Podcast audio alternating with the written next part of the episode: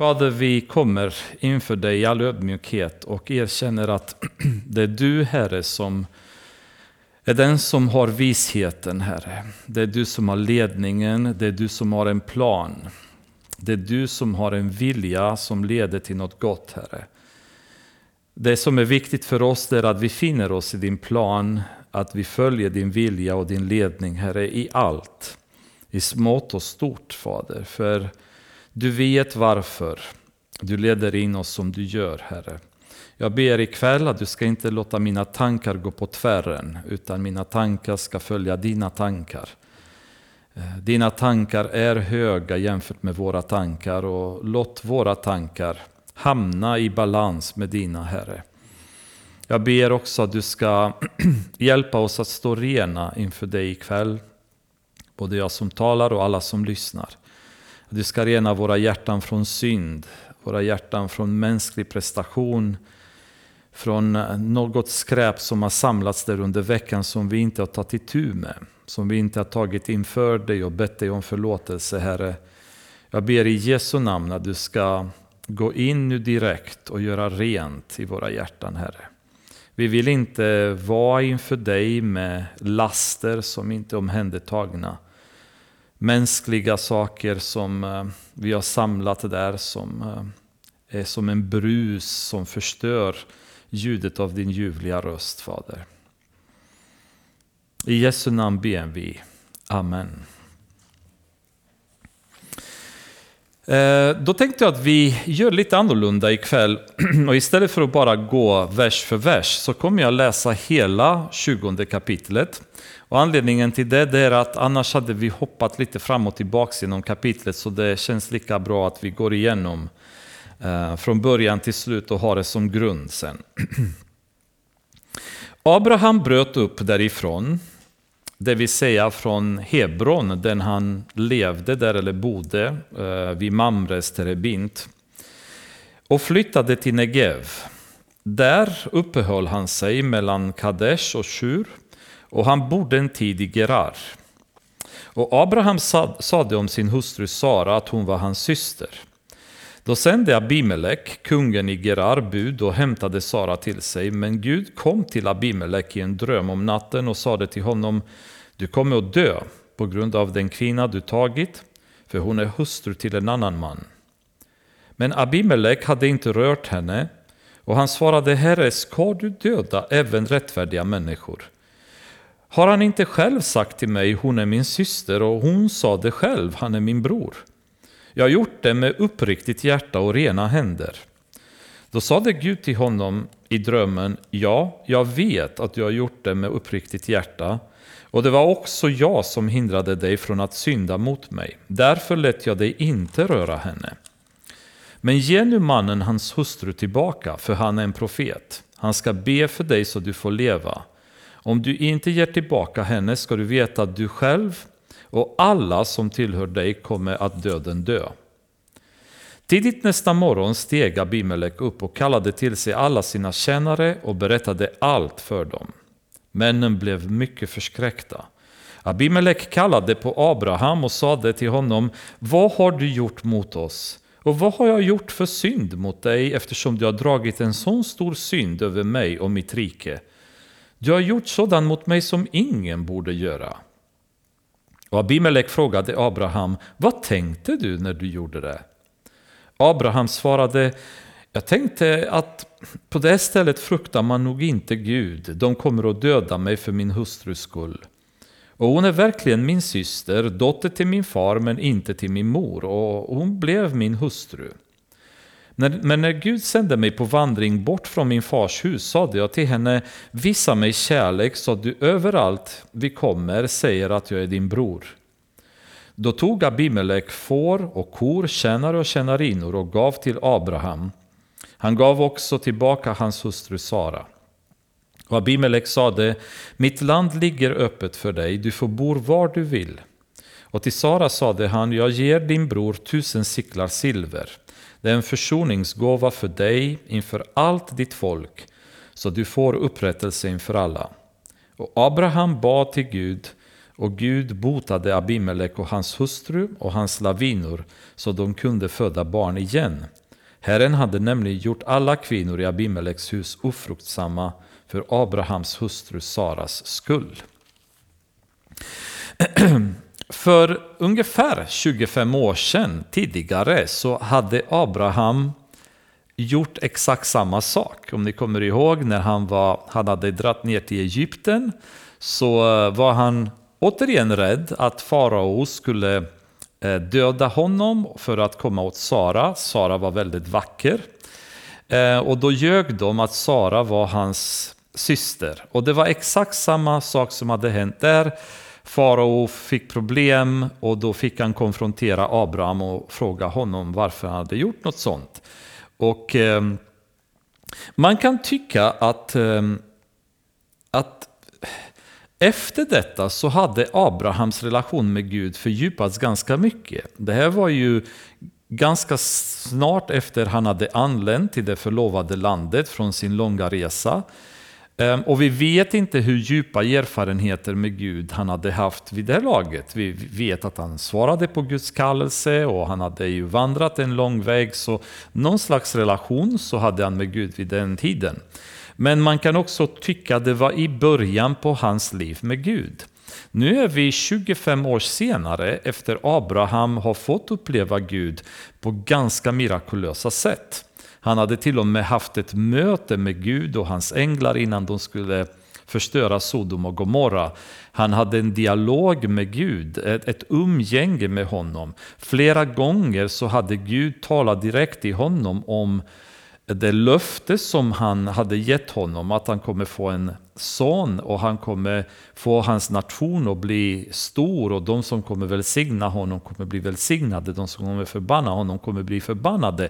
Det fanns ett tecken och ett bevis på Guds beskydd i Abrahams liv. Men efter alla dessa um, upplevelser så att säga med Gud så, så, så hade han fortfarande hamnat i det här läget. Anledningen till det här har vi faktiskt väldigt tydligt beskrivet utav honom. Eh, när Abimelek ifrågasätter honom varför han gjorde det han gjorde. Då sa han, när Gud sände mig på vandring bort från min fars hus sade jag till henne, min fru, det vill säga, visa mig din kärlek så att du överallt vi kommer säger att jag är din bror. Så Abraham och Sara, innan de åkte från Ur i Kaldeen, så hade utvecklats en listig plan i att de ska posera som bror och syster för att Abrahams liv ska skonas. Ska inte, han ska inte få bekymmer därför att hon var så vacker, han var rädd att de kommer döda honom för att komma åt henne. Så de hade inlett den här relationen i vandringen med Gud med en kan man säga en kompromiss i deras relation. En lögn, eller vit lögn kan man väl kalla det för att kanske låta det vara lite finare, eller en halvsanning åtminstone. Eh, och de skulle leva i den här lögnen överallt där de skulle vandra. Så det var deras mänskliga överlevnadsstrategi. Du ljuger. Du säger att du är min syster, vilket egentligen kan man säga att det inte är nödvändigtvis en lögn, så att vi kan ju döva vårt samvete och ändå tycka det är okej. Okay, och på så vis så slipper vi problem. Och den inställningen följde med dem hela tiden genom vandringen och hade blivit en naturlig del av deras liv. Den här lögnen hade blivit en slags sanning. Eh, de fann sig själva i att överallt vi går så ser vi att vi är broder och syster. Och inte nödvändigtvis ifrågasatte sig själva när de gjorde det. Är det här okej? Okay? Har vi med Gud på detta? Har han gett oss eh, hans godkännande till detta? Utan vi gör som vi alltid har gjort. Eh, den överenskommelse vi har haft när vi åkte från från Ur. Eh, och man kan ju tycka att det är liksom hans resonemang dessutom, som, eller hur han, han formulerade det till, till Sara var Visa mig din kärlek. Med andra ord, bevisa för mig att du älskar mig och ljug nu för min skull var vi än tar vägen så att du räddar mitt skinn. Då. Ehm, och det i sig kan man tycka var tvivelaktigt beteende, men på den tiden så var han inte en människa som levde nära Gud. Han kom från en hednings bakgrund, så det behöver inte ha varit så jättemärkvärdigt. Men allt eftersom hans kunskap om Gud och relationen med Gud och vetskapen om Guds beskydd och ledning hade blivit en del av hans liv, så tycker man att det här beteendet borde ha upphört. Men det har det inte gjort.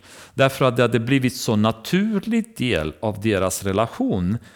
Så förmodligen var det inte ens någonting de tänkte på. Det var bara per automatik, var vi än går, vem vi än möter, om det finns en potentiell fara, så ljuger vi. Bara säger att vi är bror och syster.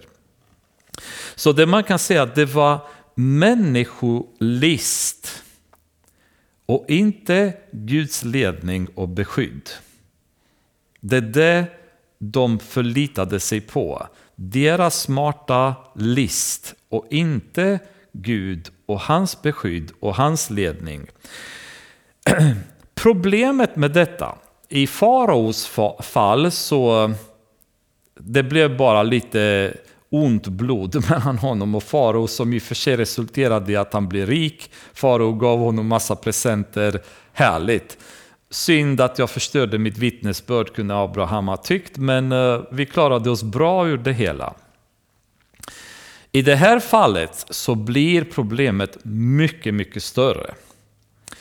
Och anledningen till detta, det är vad Gud säger till Abimelech i vers 6. Jag vet att du, du gjort det med uppriktigt hjärta och det var också jag som hindrade dig från att synda mot mig. Och här kommer det. Därför lät jag dig inte röra henne. Så först, du skulle synda mot vem? Mot Sara? Mot Abraham? Nej, mot mig, säger Gud. Och därför gick jag in och stoppade dig. Och varför är detta så viktigt. Varför skulle Abimelech hade syndat mot Gud? Därför att vid det här laget så var det den tid då Sara möjligtvis vad eller skulle, var eller skulle bli gravid.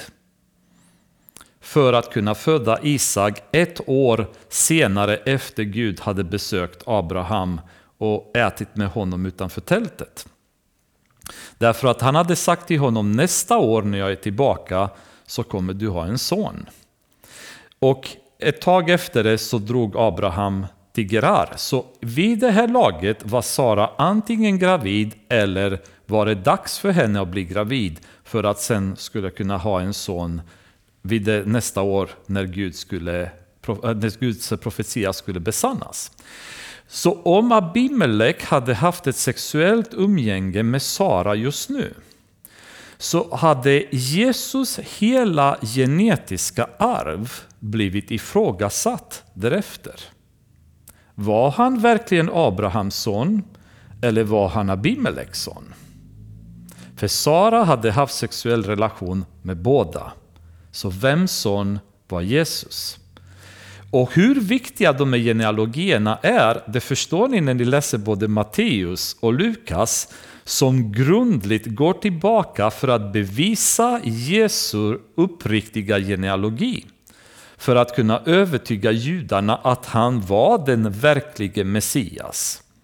Och de, kom, de skulle inte bara köpa detta, utan de var tvungna att gå tillbaka och bevisa via Josefs eh, linje och via Marias linje att Jesus var den riktiga Messias.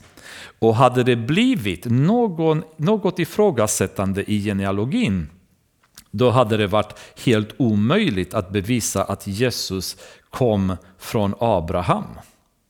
Och Abraham var förfader till de generationer som kom därefter. Så väldigt, väldigt viktig poäng. Men problemet var att både Sara och Abraham, de tänkte bara kortsiktigt. Vi måste vi måste klara oss, de här människorna är ogudaktiga, tänk om vi får problem. Och istället för att, för att tänka långsiktigt så tänker de kortsiktigt. Satan har försökt redan vid det laget, vid flera tillfällen, att förstöra mänskligheten och möjligheten för att första Moseboken, tredje kapitel, vers 15 skulle besannas, det vill säga att kvinnans Eh, utsedde skulle till slut krossa Satans huvud. Han försöker fortfarande än idag och han har försökt hela tiden på ett eller annat sätt förhindra att profetierna besannas. Och han har försökt genom att fördärva hela världen, till exempel under Noas tid, genom genetiskt, genetiska arvets eh, förorening med nefilim som kom på jorden, genom all ondska som spreds över jorden, där människorna dödade varandra och det fanns en ondska där det var ingen som levde rättvis. Men Gud lyckas via Noa att gå vidare och få mänskligheten att överleva. Och, och permanent så finns det försök att fördärva den här linjen som Jesus skulle komma igenom. Och det här var någonting som Sara och Abraham inte var medvetna om. Att den här lilla lögnen eller halvsanningen eller lilla vita lögnen de skulle säga kunde kosta hela mänskligheten frälsningen ganska så mäktigt när man tänker en sån liten sak, ett sån litet tillfälle kunde ha gjort att hela Guds plan kunde har gått åt ett annat håll än det var tänkt från början. Och därför säger Gud till Abimelech, det är jag som har stoppat dig och det är mot mig du skulle syndat om du hade haft ett sexuellt umgänge med Sara. För att kunna stoppa honom så, så var Gud tvungen att gå in och ingripa. Så Abrahams lilla själviska inställning genererar av människofruktan kunde orsakat en katastrof för hela mänskligheten. Och, och det här kan man säga, när jag läste detta så gav mig ett helt nytt perspektiv. För varför Gud är så noga med att vi lyssnar på honom när han säger någonting till oss. Att vi lyder honom när han säger någonting till oss. Och anledningen till det, det är ju Jesaja kapitel 55, vers 8 och 9, verser som ni säkert har hört tidigare. Men i det sammanhanget så fick de en helt ny mening för mig. 55 och sen vers 8 och 9. Mina tankar är inte era tankar och era vägar är inte mina vägar, säger Herren. Nej, liksom himlen är högre än jorden så är mina vägar högre än era vägar och mina tankar högre än era tankar. Anledningen till att vi måste följa Gud, det är inte för att vi förstår honom. Det är inte för att vi förstår hans vilja, utan därför att vi måste förstå att våra tankar är inte hans tankar. Och hans vägar är så mycket högre än våra vägar så det enda vi kan göra det är bara följa honom för vi kan inte begripa varför han ber oss eller säger till oss att göra vissa saker. Abraham kunde inte möjligtvis föreställa sig att det här naturliga beteendet, den här lögnen som han hade kört hur många gånger säkert som helst genom hans resa från Ur tills han kom nu till Abimelech, Eh, som var ett, ett klassiskt, en klassisk del av deras liv och beteende. Hur kunde han föreställa sig att detta skulle orsaka en sån katastrof? Hur kan vi föreställa oss när vi inte lyder Gud eller när vi accepterar vissa synder i våra liv? Hur kan vi förstå hur det här kommer skapa förödelse framöver och för vem och på vilket sätt? När vi tillåter oss att falla i synd, är detta någonting som kommer påverka mig eller kommer påverka hela min familj? Kommer påverka hela min församling? Kan det påverka hela mitt samhälle? Kan det påverka mitt vittnesbörd inför mina grannar? Kan det resultera i att mina grannar inte kommer lära känna Jesus därför att de har blivit avskräckta av mitt vittnesbörd när de har sett mig leva i synd? Att en människa missar evigheten på grund av min synd. Har jag tänkt på det när jag tillåtit mig själv att falla i synd?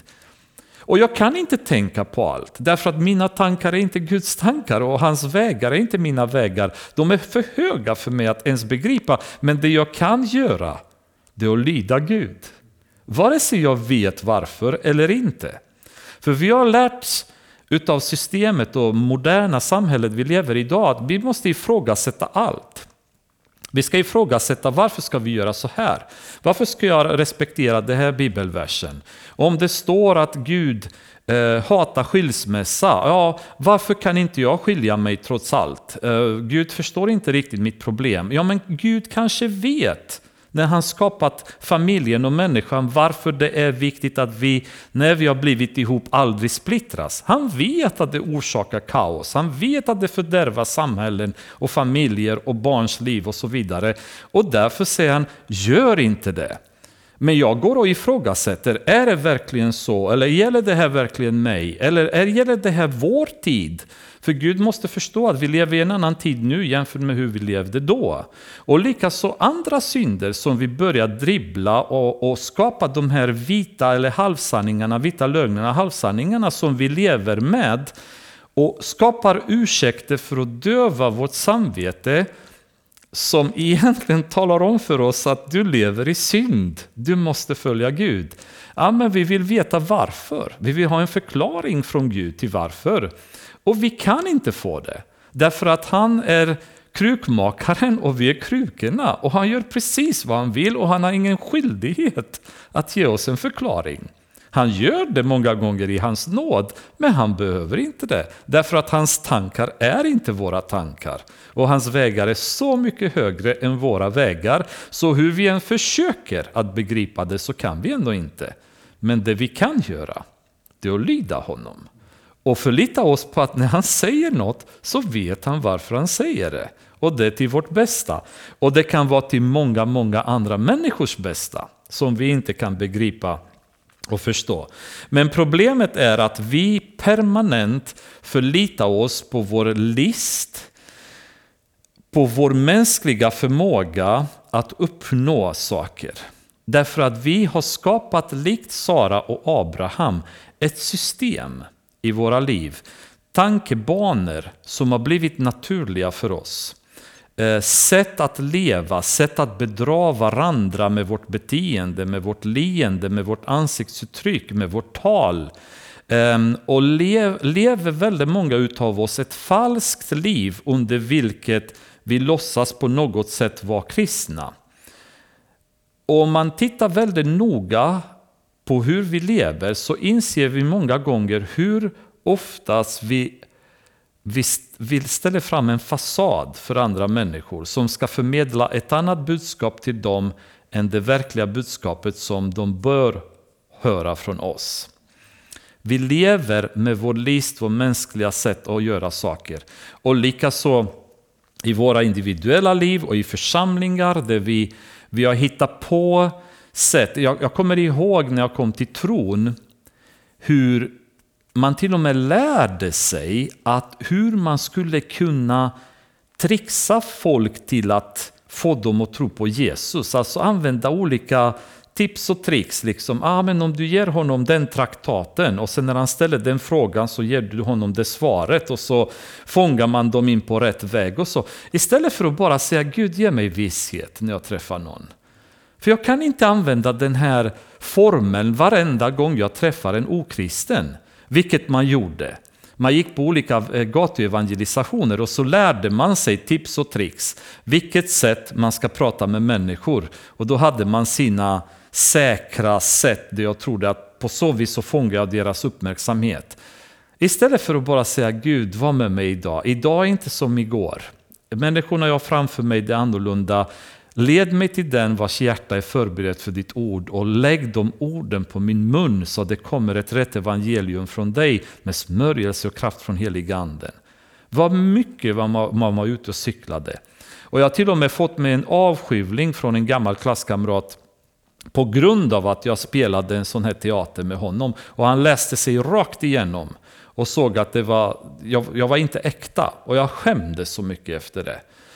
Um, men det är så vi har lärt oss. Precis som Abraham och Sara, vi har skapat våra sätt, våra väggar och de här är fast i oss. De har blivit en del av vårt liv och vi har svårt att göra oss av med. Um, och det... Eh, ja... Hoppas att Gud har, har liksom nåd med oss och bara rensa bort. För det, om ni tänker på det, det är så mycket i oss idag som gör att det är vi och inte Gud. Vi följer inte Guds ledning utan vi gör som vi själva vill. Vi vill gott men vi använder vår list och våra metoder som alltid eh, havererar. alltid skapar problem och ger inget resultat. Då. Um, vi får inte använda kan man säga, vår egna mänskliga intelligens och list utan vi måste se till att i allt vi gör söka oss till helig ande. För om vi tittar på vad heligandens effekt är i våra liv, och jag kommer inte läsa alla verser utan jag kommer bara nämna dem och vill man så kan man ju gå och läsa de verserna. Så står det i Johannes kapitel 16, vers 7 och sen 12 och 14 att heliganden kommer leda oss. Eh, han kommer ge oss rätt ord att säga när vi hamnar i en svår situation, säger Jesus i Lukas kapitel 12, vers 12. Han hjälper oss och ber för oss i Romarbrevet 8, 26 och 27. Han lär oss allt, står det i Johannes 14, 25, 26. Och ger oss styrka, Apostlagärningarna kapitel 1, vers 8. Så varför behöver vi människor göra saker när heliganden egentligen finns där för att hjälpa oss med allt. Han leder oss, han talar för oss när orden inte räcker till, han ber för oss med suckar, han hjälper oss, han ger oss kraft. Så varför skulle vi människor permanent använda vår egen visshet, vår egen intelligens, vår egen list för att uppnå Guds verk när vi egentligen behöver heliganden för allt detta. Andrew Murray sa Människor bör söka med hela deras hjärta att bli fyllda med Guds ande. Utan att vara fyllda med Guds heliga anden är det fullständigt omöjligt för en kristen eller kyrka att någonsin kunna leva eller verka enligt Guds önskan. Och det jag gillade det ordet, fullständigt omöjligt. Vi har ingen chans. Det finns ingen möjlighet att utan helige anden att vi kan uppnå någonting utav det Gud vill att vi ska uppnå. Så varför har kristenheten blivit så slapp när det gäller helige anden idag? Och då pratar inte jag om att vi ber om heligandens dop så att vi kan tala i tungor och vi kan profetera och vi kan eh, hela varandra, utan att vi får heliganden för att vi ska få ledning, för att vi ska få kärlek, för att vi ska få tålamod, för att vi ska få godhet i våra liv så att de här frukterna börjar komma fram i våra liv. För stämningsfulla saker, det är vi alltid intresserade av. Men det vi inte kan fejka, det är ju kärlek, det är inte det tålamod, det är godheten. De kan vi inte fejka. Antingen har vi dem eller så har vi dem inte.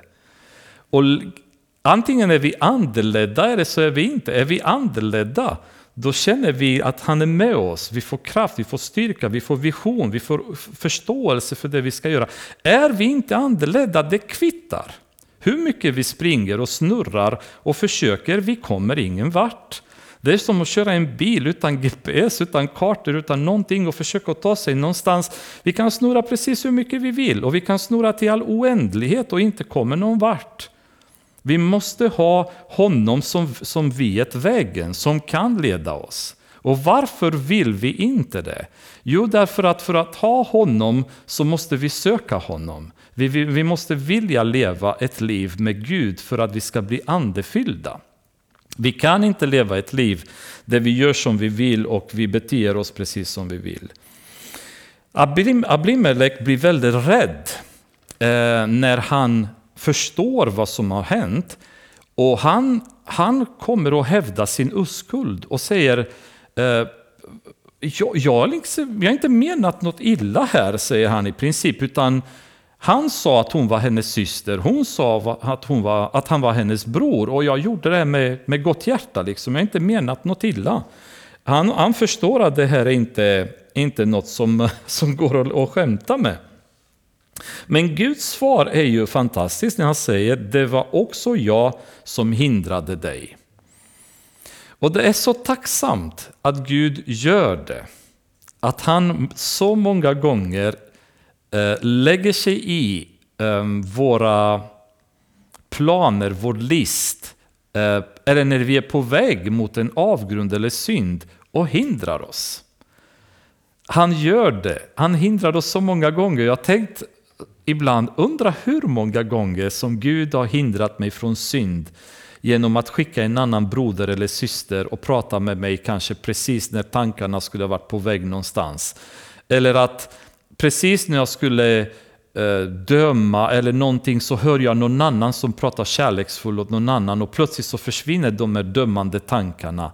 Eller någon, när jag är på väg att ha en inställning av negativitet genom en, gentemot någon så plötsligt så gör den personen något gott och så försvinner det negativa eller det kommer inte ens fram därför att de möts av godhet och kärlek. Och, alltså man tänker det måste ha varit så många sådana situationer i ens liv då Herren bara la sig i och liksom synden var borta innan den hann ta grepp över en. Liksom.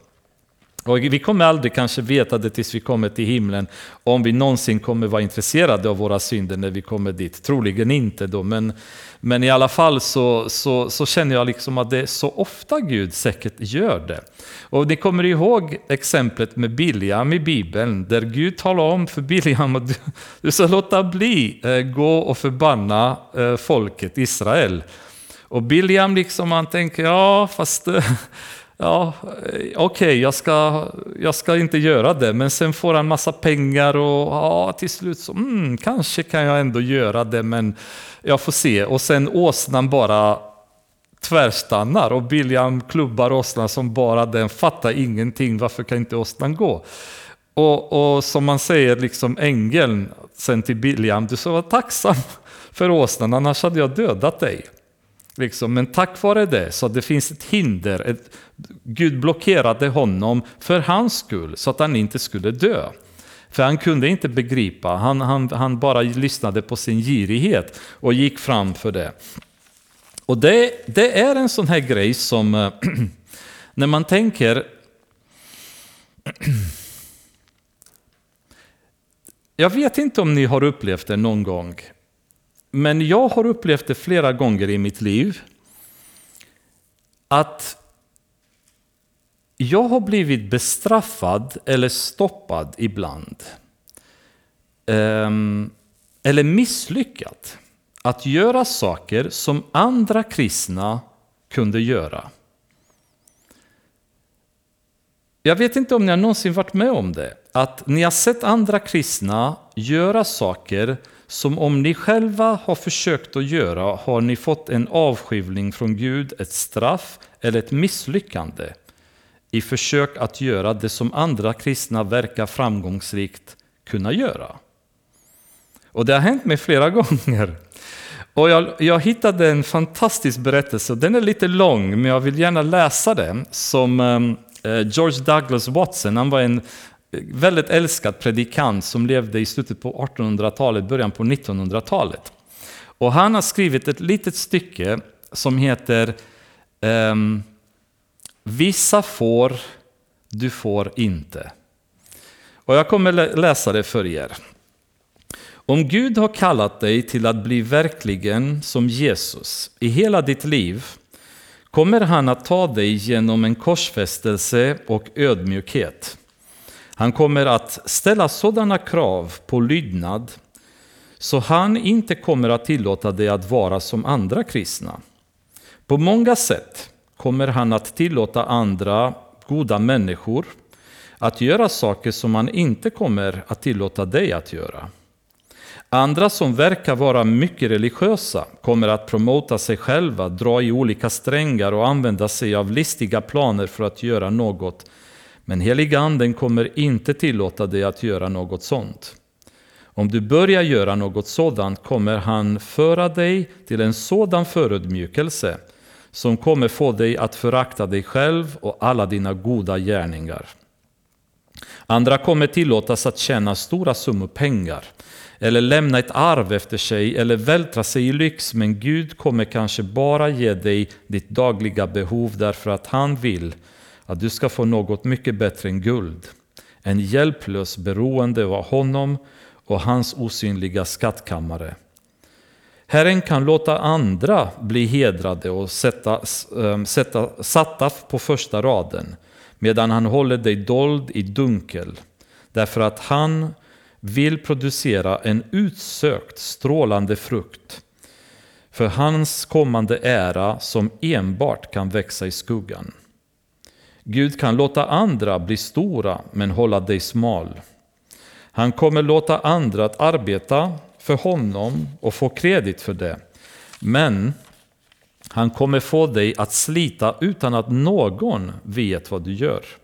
Och sedan, för att ditt arbete ska vara ännu mer värdefullt, kommer han tillåta att andra får kredit för ditt arbete. Detta kommer lära dig korsets budskap, ödmjukhet och något om värdet av att vara klädd i hans attityd.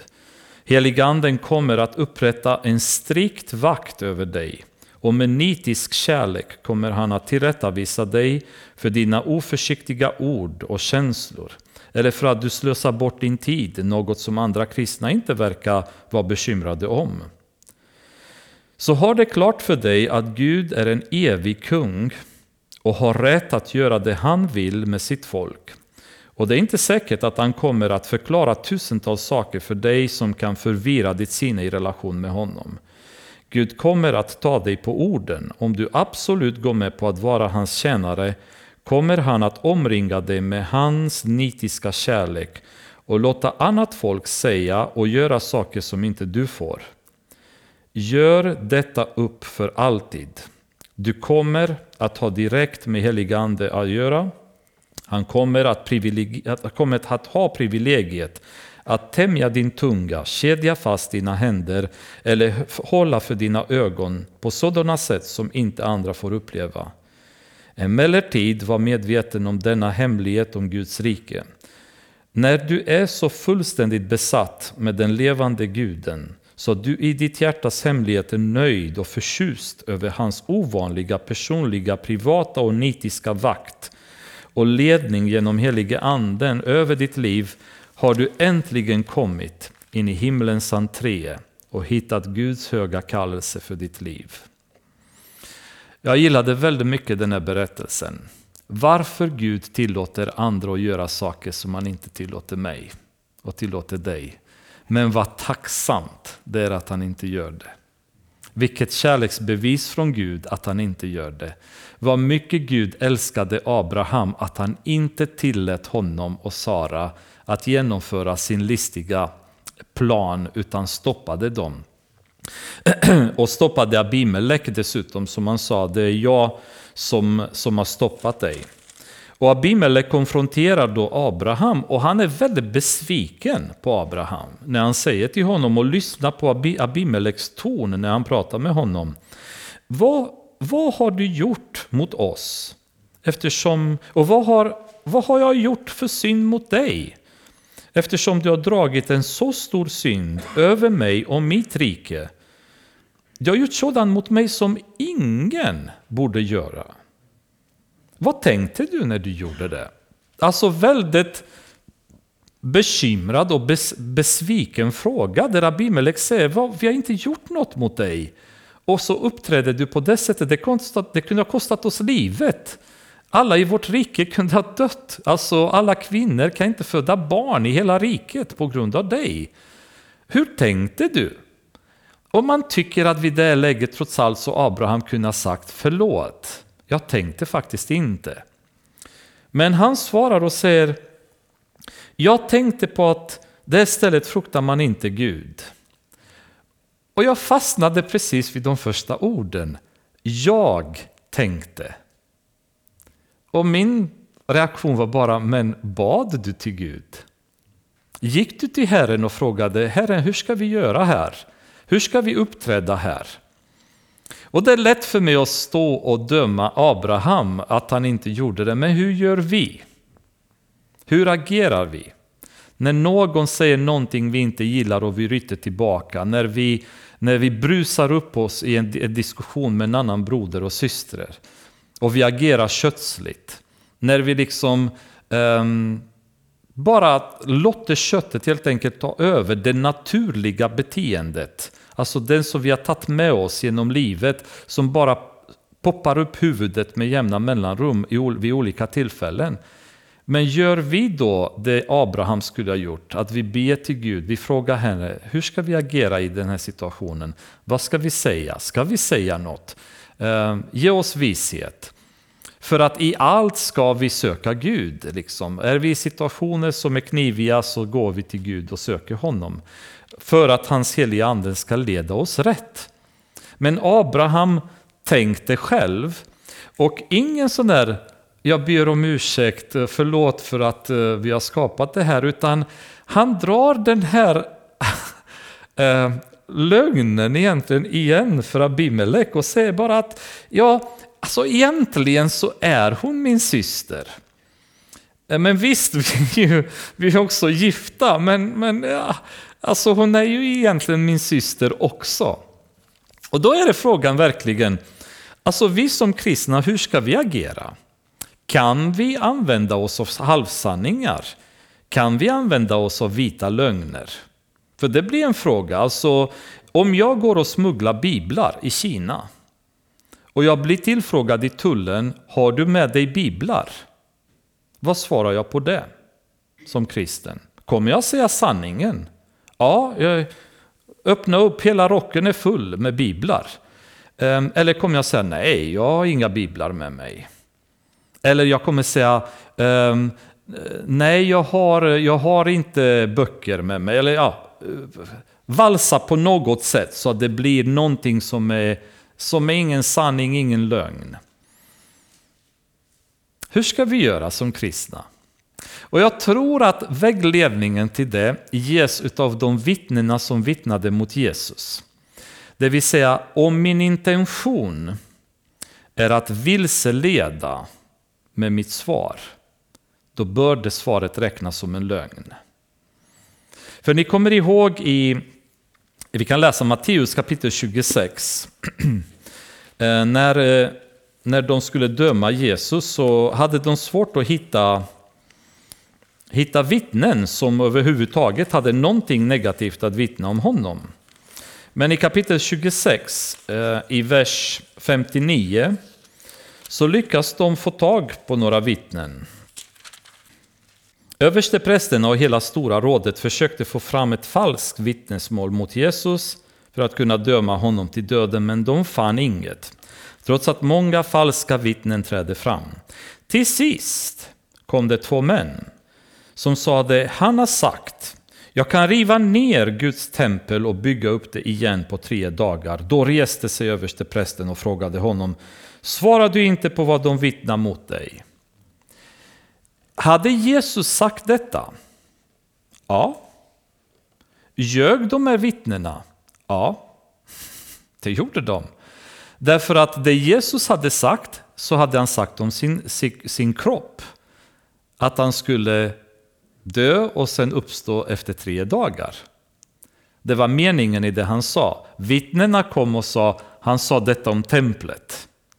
Vilseleda med vittnesmålet för att få Jesus fälld. Ehm, exakt ordagrant i princip vad Jesus hade sagt, men presenterat i ett sammanhang som ger en annan bild av sanningen, det vill säga betraktas som ett falskt vittnesmål i det här läget. Och det är, ju, det är ju någonting som vi kristna egentligen tror jag behöver tänka på. För jag tror att vi är ibland i den här situationen där vi behöver ge ett svar som kan uppfattas på ett annat sätt än det som det är menat.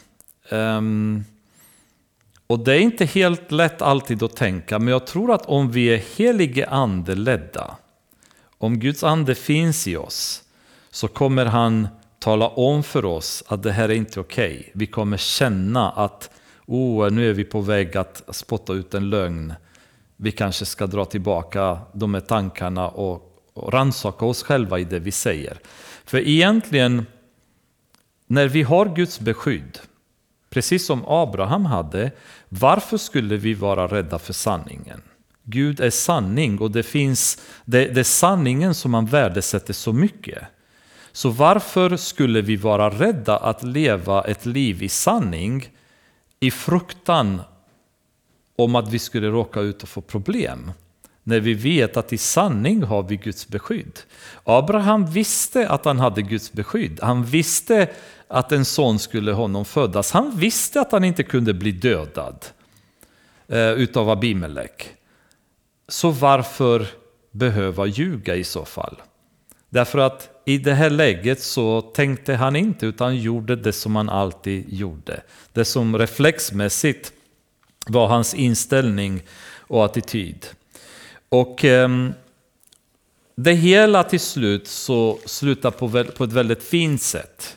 Abimelech han förstår att Abraham är en, en viktig människa i Guds ögon och han ger honom massa rikedomar igen.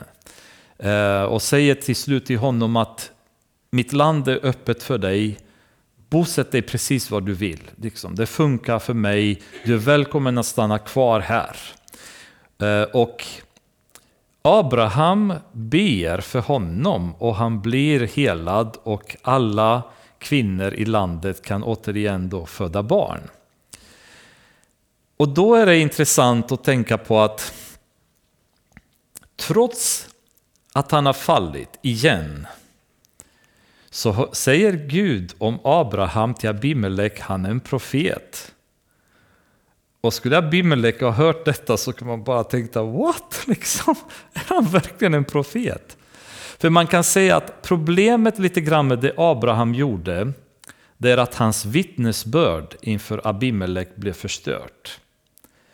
Och det är exakt det som blir bekymret när vi kristna agerar i köttet. Det är att vårt vittnesbörd inför de, den omgivning vi befinner oss i blir förstört. När de ser oss kristna supa, när de ser oss kristna slåss och bråka med varandra, när de ser oss kristna ha splittrade familjer och problem i våra familjer, när, när de ser våra kristna barn härja och inte leva ett gudfruktigt liv, och så vidare. När de ser oss kristna själviska, där vi inte gärna hjälper varandra eller hjälper våra grannar eller kompisar. När de ser oss hela tiden vara introverta och inte sociala och glada och välkomnande och med öppna hus så att människor kan komma in och känna sig välkomnade. Allt detta förstör vårt vittnesbörd. I en värld där vi är satta att vara ljus och representanter av Jesus. Och det är det som jag ser också som en tragisk situation där Abimelech, en hednisk kung, säger till Abraham, hur kunde du göra detta? Hur tänkte du? Har inte ni fått den här frågan ibland från okristna? Som har tittat på någonting som ni har gjort och sagt, men du som är kristen, ska du göra så? Vi har fått den frågan flera gånger. Du som är kristen, ska du verkligen göra så? Och det är skamligt när någon från världen, någon som inte känner Gud, tittar på oss och säger, men vänta lite, ska du verkligen leva så? Ska ni kristna leva så här? Ska ni uppträda på det sättet som ni gör? Vi förstör det vittnesmål som Jesus har kallat oss att kunna ge världen. Då. Och när man läser det här kapitlet så kan man ställa sig frågan, vem är den troende i det här kapitlet? Eller Abraham är det Abimelech. För ni märker vilken schysst inställning Abimelech har. Jämfört med Abraham, så till och med när han är konfronterad så valsar han och bara drar en, en liksom vit lögn för Abimelech istället för att bara erkänna sin synd och säga förlåt för det jag har gjort. Liksom. Så vem är den troende? Men den troende är fortfarande Abraham. Han är fortfarande Guds vän trots att han har fallit. Och Gud tar emot Abrahams bön och helar hela Bimeleks land på grund av Abraham. Och det är ju det som är fascinerande när man ser hur rå Bibeln är när det presenterar hur Guds stora män har fallit. Vi ser Noa som har supit och låg naken. Vi ser Lot som super och har sexuella relationer med sina egna döttrar. Vi ser Abraham falla nu flera gånger. Vi ser Mose bli arg och slå klippan när Gud har inte sagt att han ska göra det. Det kostar honom hela möjligheten att gå in i förlovade landet på grund av det. Vi ser David, mannen efter Guds egna, egna hjärta, som faller i synd med Batsheba och medverkar till hennes mans död. Vi ser Petrus som förnekar Jesus och hycklar med eh, judarna när han var i Antiochia. Vi ser person efter person som Bibeln har stora goda ord att säga hur de har fallit. Men Mose är mannen som det sägs att han talade med Gud ansikte mot ansikte. Abraham är Guds vän. Noa var rättfärdig. Lot beskrivs som rättfärdig också. Fantastisk! Och David, återigen mannen efter Guds hjärta. Petrus, mannen på vilken Jesus bygger församlingen. Men alla de här har allvarligt fallit i sin relation med Gud. Men de är fortfarande hans. Och det är ju det som är så tröstande för oss. De här exemplen är inte givna för oss för att eh, legalisera synden.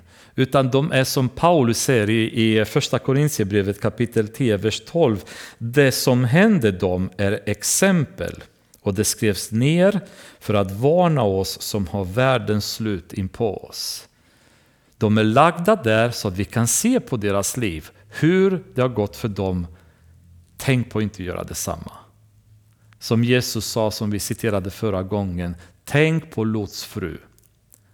Ha dem i tankarna, ha dem i, i, i era bibelstudier, er bibelläsning. Se på hur, hur det har gått för dem Gör inte likadant, men om det nu blir det, så tro inte att ni inte är Guds barn bara för det.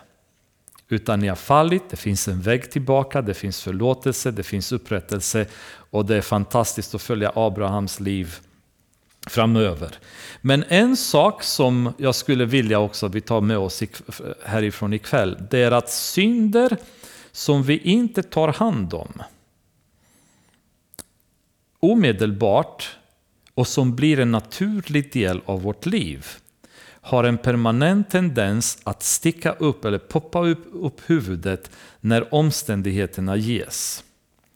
Så om ni tänker på Abraham, de två gångerna då han klantade sig var varje gång där han lämnade det välsignade stället där han befann sig i och drog till ett land som var syndigt. Första gången till Egypten, andra gången till Gerar som är nuvarande Gaza eh, som blir filistiernas land därefter. Men han lämnar Hebron, han lämnas, lämnar Mamres terebint, platsen där han hade upplevt Gud och, han, och, och utsätter sig. Vi vet inte varför han drog ner till Gerard den här gången. Vi har ingen aning. Men han kommer återigen i ett område där han utsätter sig för människor som är ogudaktiga. Och då har de här synderna en tendens att komma upp till liv igen.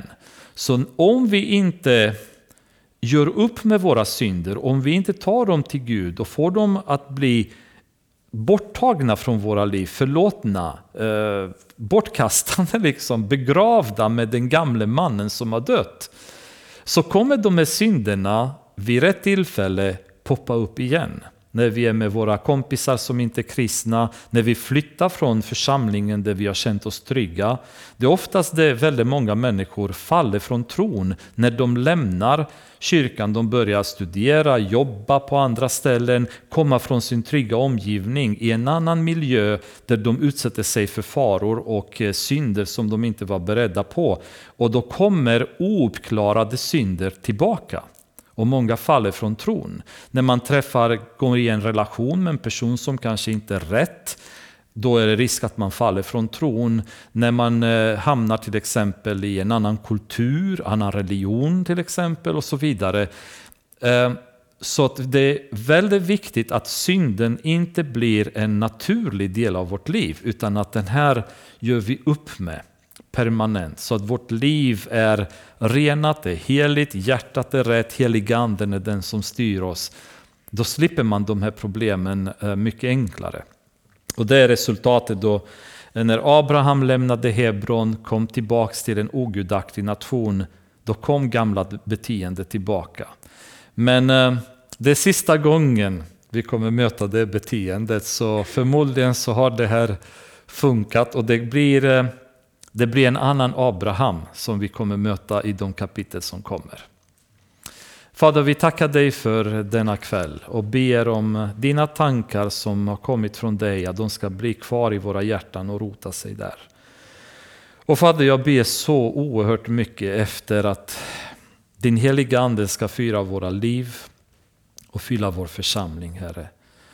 För jag känner också själv att utan din heliga Ande är det så fullständigt omöjligt för oss att göra din vilja, Herre.